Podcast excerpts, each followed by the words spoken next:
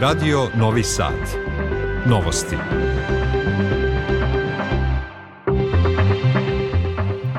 Dobar dan, ja sam Vesna Balta. Ja sam Nikola Rausavljević. Na početku novosti Vesti dana. Od ponedeljka počinju konsultacije o formiranju vlade, najavio predsjednik Aleksandar Vučić. Izraelska vojska ne prestaje sa operacijama u svim delovima Gaze. Danas je Međunarodni dan maternjeg jezika. Toplo vreme koje nas prati poslednjih sedmica povoljno utiče na usev pšenice. Dodeljena Zlatna pera, najprestižnije novinarsko priznanje Društva novinara Vojvodine. U pokrajini narednih dana temperatura do 20 stepeni. U Novom Sadu sada je 12. Predsednik Aleksandar Vučić primio je u Beogradu novog šefa misije Saveta Evrope u našoj zemlji Janoša Babića, sa kojim je razgovarao o napretku Srbije u sprovođenju reformi i primenama dobre prakse Evropske unije u mnogim oblastima, kao i o važnosti tog procesa za napredak Srbije ka evropskim integracijama. Vučić je zahvalio Savetu Evrope na saradnji koja našoj zemlji omogućava pristup stručnom znanju, velikom iskustvu i resursima te organizacije, što omogućava Srbiji da da efikasnije radi na reformama i unapređenju demokratskih procesa u zemlji. Predsednik Vučić je najavio da od ponedeljka kreće u konsultacije o formiranju Skupštine i vlade, kao i da će obaviti neophodne konsultacije sa svima koji žele da razgovaraju. On je rekao da će nakon toga biti spreman da, kako je naveo, odredi mandatara nove vlade Srbije. Dakle, mi smo ušli u procese koji su važni, koji su odlučujući za formiranje i nove skupštine i nove vlade, dakle, sada kada su mandati u Narodnoj skupštini verifikovani i uveren sam da taj posao možemo da uradimo relativno brzo i potpuno efikasno. Kada je reč o beogradskim izborima, Vučić kaže da će se ukoliko SNS i SPS ne budu imali legitimnu većinu ići na nove beogradske izbore legalne većine ima. U ovom trenutku mi imamo legalnu većinu od 56 ili kažemo i 57 odbornika. Nećemo biti legitimni sasvim i punog legitimiteta ukoliko bismo formirali vlast sa 56. Jer očigledno je da ne bismo imali zeleno svetlo od Branimira Nestorovića i njegove grupe. Ja mislim da je to fair da se kaže građanima.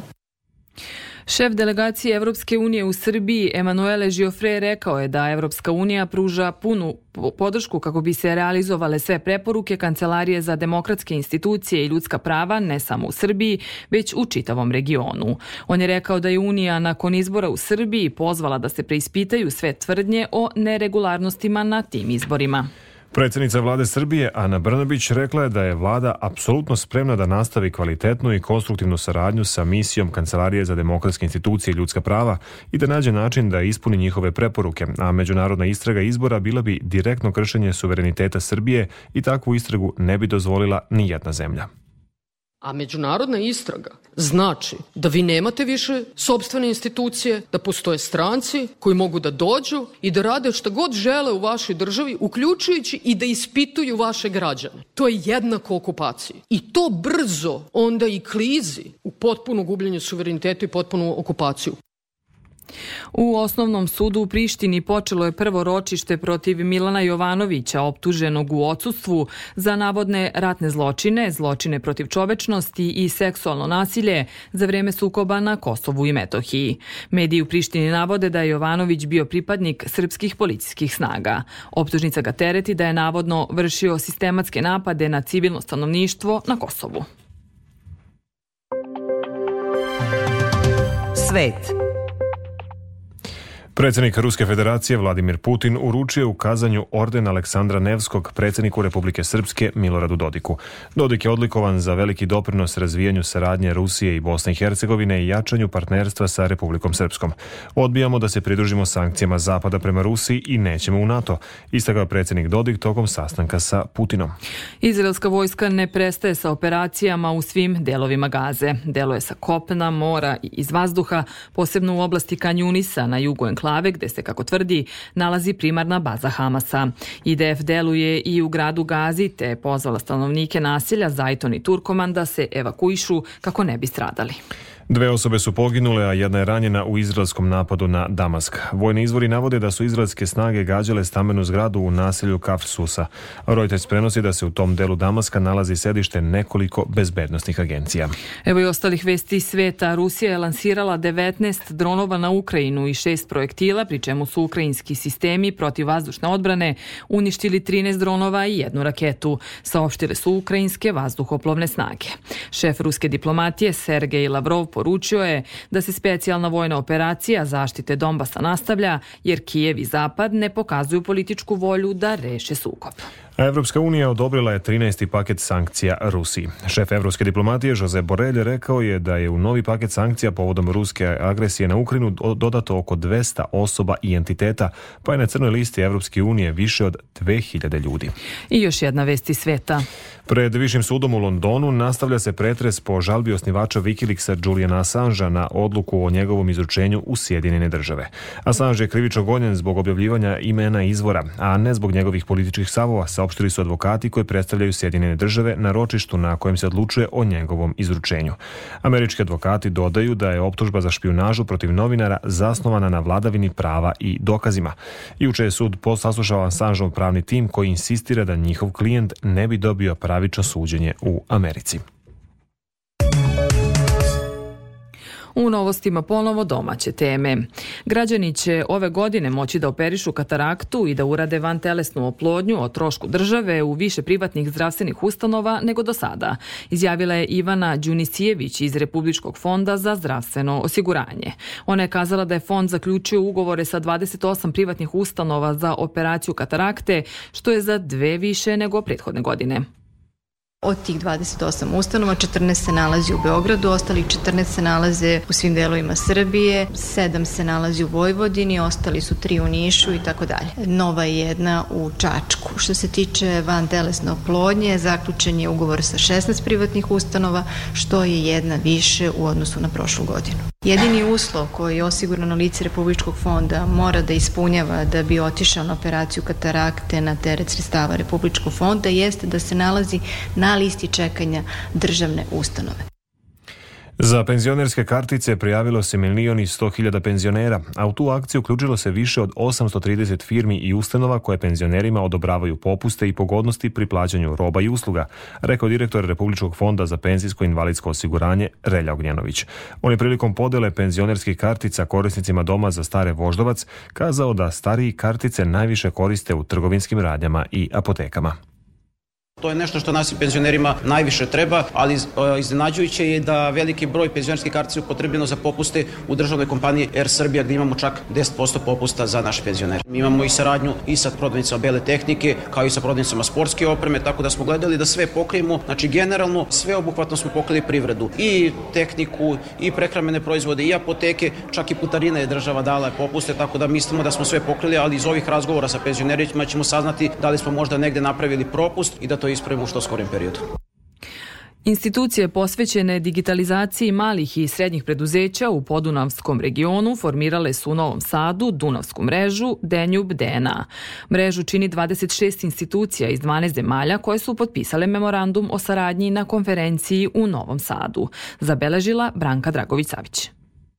Partneri iz podunavskih zemalja zajednički će raditi na razvoju veština i tehnoloških rešenja za transformaciju poslovanja malih i srednjih preduzeća, kazala je profesor dr. Sanja Bojić sa Fakulteta tehničkih nauka koja rukovodi projektom. To će biti šest digitalnih alata koji će biti e, namenjeni svim malim i srednjim preduzećima koji će se nalaziti na našoj platformi i moći će bilo koje preduzeće iz Podunavskog regiona da ga skine, da ga koristi besplatno kako bi napredilo svoje poslovanje. Mi ćemo u toku projekta u svakoj zemlji organizovati jednu obuku gde ćemo mi preko privrednih komora pozvati male i srednje preduzeće gde ćemo im predstaviti ta nova tehnološka rešenja koji mogu pomoći u procesu digitalne transformacije. Rukovodilac Centra za razvoj naučno-tehnološkog parka Novi Sad, dr. Vladimir Todorović, rekao je da je uloga te institucije da verifikuje kreirana inovativna rešenja za privredu i industriju. Naučno-tehnološki park jeste tačka u kojoj se spajaju istraživanje i primena toga na tržištu kroz industriju, kompanije i startape koje mi imamo u našem sastavu. Naša uloga u ovome je upravo ona krajnja koja će pokazati da sve ovo što je projekat iznedrio kao inovativna rešenja jeste primenjivo u privredi da to pomoći pomaže privredi i industriji u njihovom poslovanju. Dunavska mreža formirana je uz podršku Evropske unije. Projekat digitalne transformacije malih i srednjih preduzeća realizovaće se tokom naredne dve i po godine. A naredne minute u novostima posvećujemo poljoprivredi. Ministarstvo poljoprivrede i ove godine subvencioniše najpovoljnije kredite za poljoprivredne proizvođače, za što je u budžetu opredeljeno milijardu i 200 miliona dinara, a rok za podnošenje zahteva je 15. oktobar. Pravo na kreditnu podršku imaju fizička lica, nosioci komercijalnog porodičnog poljoprivrednog gazdinstva, preduzetnici i pravna lica, odnosno zemljoradničke zadruge sa najmanje pet članova, mikro i mala pravna lica. Ovaj vid finansiranja namenjen je investicionim ulaganjima u novu poljoprivrednu mehanizaciju i opremu za nabavku životinja, razvoj ratarstva, voćarstva, vinogradarstva, povrtarstva i cvećarstva, kao i za nabavku hrane za životinje. Toplo vreme koje nas prati poslednjih sedmica povoljno utiče na usev pšenice koje je jesena sejan posle optimalnog roka. Na poljima ima štetočina, a nedostaje i vlage u zemljištu. U toku su i pripreme za prolećnu setvu koju ratari planiraju da urade sa što manjim troškovima. Više o tome Stevan Davidović. Toplo vreme koje nas prati naročito pogoduje slabo razvijenom usevu i zakasnele setve, tvrdi stručnjak Novosadskog instituta za ratarstvo i povrtarstvo Bojan Jocković.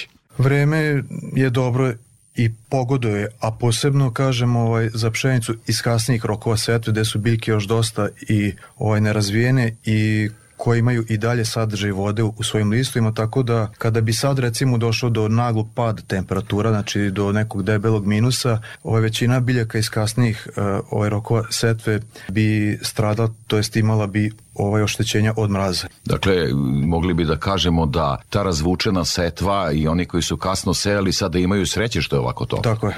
Kada je reč o prolećnoj setvi, kako upozorava Petar Radić iz Zadružnog saveza Vojvodine, Ratari planiraju da taj posao zbog niskih cena na berzi urade skromno i sa što nižim troškovima. Generalno, poljoprivrednici razmišljaju da idu na ekstezivnije kulture, manje ulaganja i samim tim manje gubitaka. Prošle godine su se, nažalost, oni koji su davali punu agrotehniku i imali solidne prinose, nisu se onovčili ili nisu se onovčili u toj meri koje su ovaj, očekivali, a dosta njih je završilo godinu i u minusu,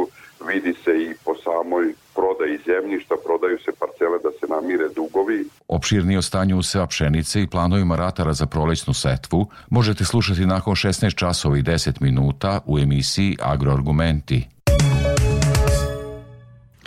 Danas je Međunarodni dan maternjeg jezika koji je 1999. godine ustanovio UNESCO, a potvrdila Generalna skupština Ujedinjenih nacija.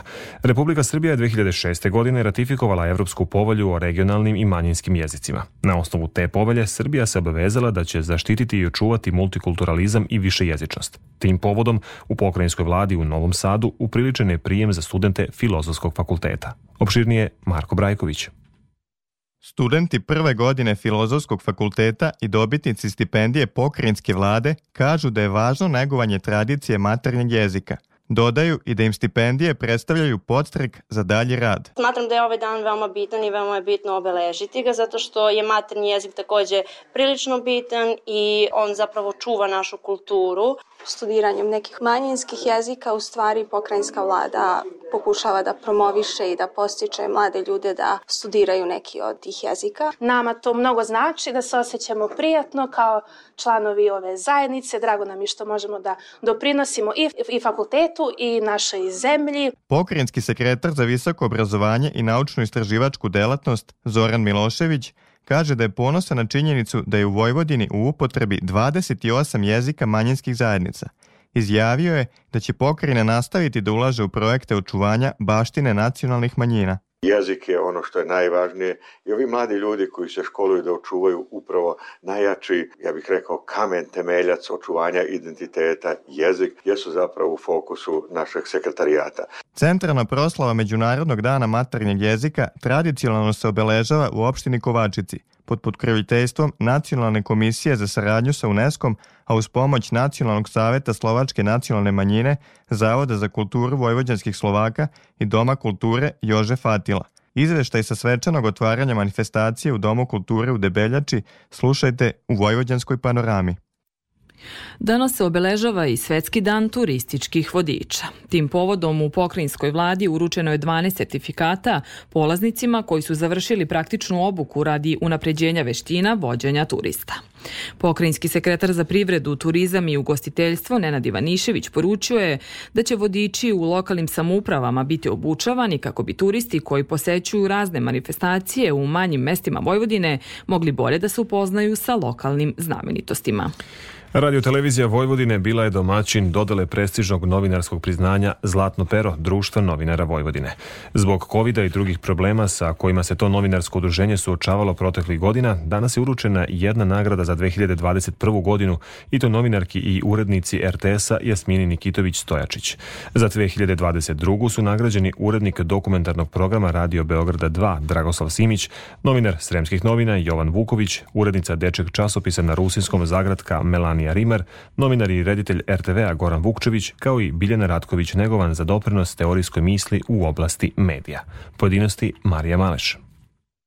Jedan od laureata iz naše kuće, Goran Vukčević, kaže da mu je posebno drago što je reč o nagradi Društva novinara Vojvodine, jer kako ističe, još uvek sebe vidi kao gosta u novinarskoj profesiji. I naći se rame uz rame sa velikim profesionalcima i sa ljudima koji su se školovali za tu profesiju, pošto sam ja došao iz sveta režije i sveta umetnosti u medije i prosto posvetio se novinarstvu da okusim koliko je to eh, jedan rudarski posao, ne zanemarujući naravno i težinu eh, posla koji je mo moja osnovna profesija profesija reditelja. Nagrada Zlatno pero Društva novinara Vojvodine dodeljuje se za dubog trag koje su kolege ostavile u srpskom novinarstvu i medijima na našim prostorima, rekao je predsednik Društva novinara Vojvodine Petar Kočić.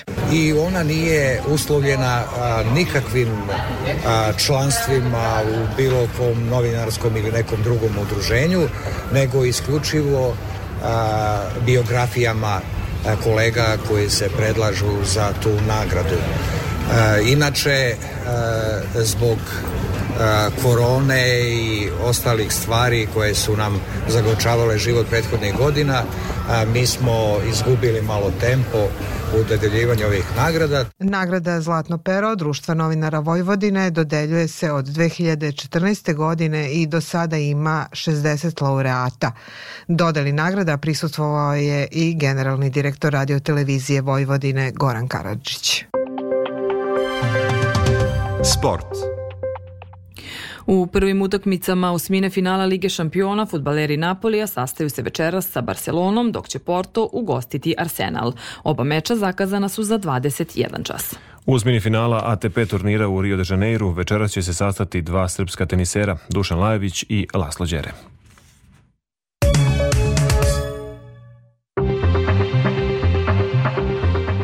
Pred kraj novosti još jednom najvažnije vesti. Od ponedeljka počinju konsultacije o formiranju vlade, najavio predsednik Vučić. Predsednik u Beogradu razgovarao sa novim šefom misije Saveta Evrope u našoj zemlji Janošem Babićem. Izraelska vojska ne prestaje sa operacijama u svim delovima Gaze. Danas je Međunarodni dan maternjeg jezika. Toplo vreme koje nas prati poslednjih sedmica povoljno utiče na usev pšenice. U Vojvodini je sada delimično oblačno, najtoplije je u Kikindi gde je 14 stepeni, stepen manje je u Novom Sadu, u 12 stepeni je u Zrenjaninu, Sremskoj Mitrovici i na Paliću. Sledi prognoza vremena. U Vojvodini u četvrtak pre podne pretežno sunčano. Posle podne osvetno toplije uz stepeno umereno na oblačenje, ali će se zadržati suvo. Vetar slab i umeren, na krajnjem severu povremeno i jak, južni i jugoistočni Jutarnja temperatura od 2 do 5, najviša od 15 do 18 stepeni. U petak pretežno oblačno, ali suvo. Za dane vikenda očekuje se kiša. Za Radio Novi Sad, meteorolog Mijodrag Stojanović. Slušali ste novosti prvog programa radija Radio Televizije Vojvodine. Novosti tonski realizovao Daniel Manojlović, producentkinja Branislava Stefanović. Pred mikrofonom bili Vesna Balta i Nikola Rausavljević. Ostanite uz naš program od 15 časova i 30 minuta sledi emisija Radio Sport. Hvala na pažnji i prijatan ostatak dana.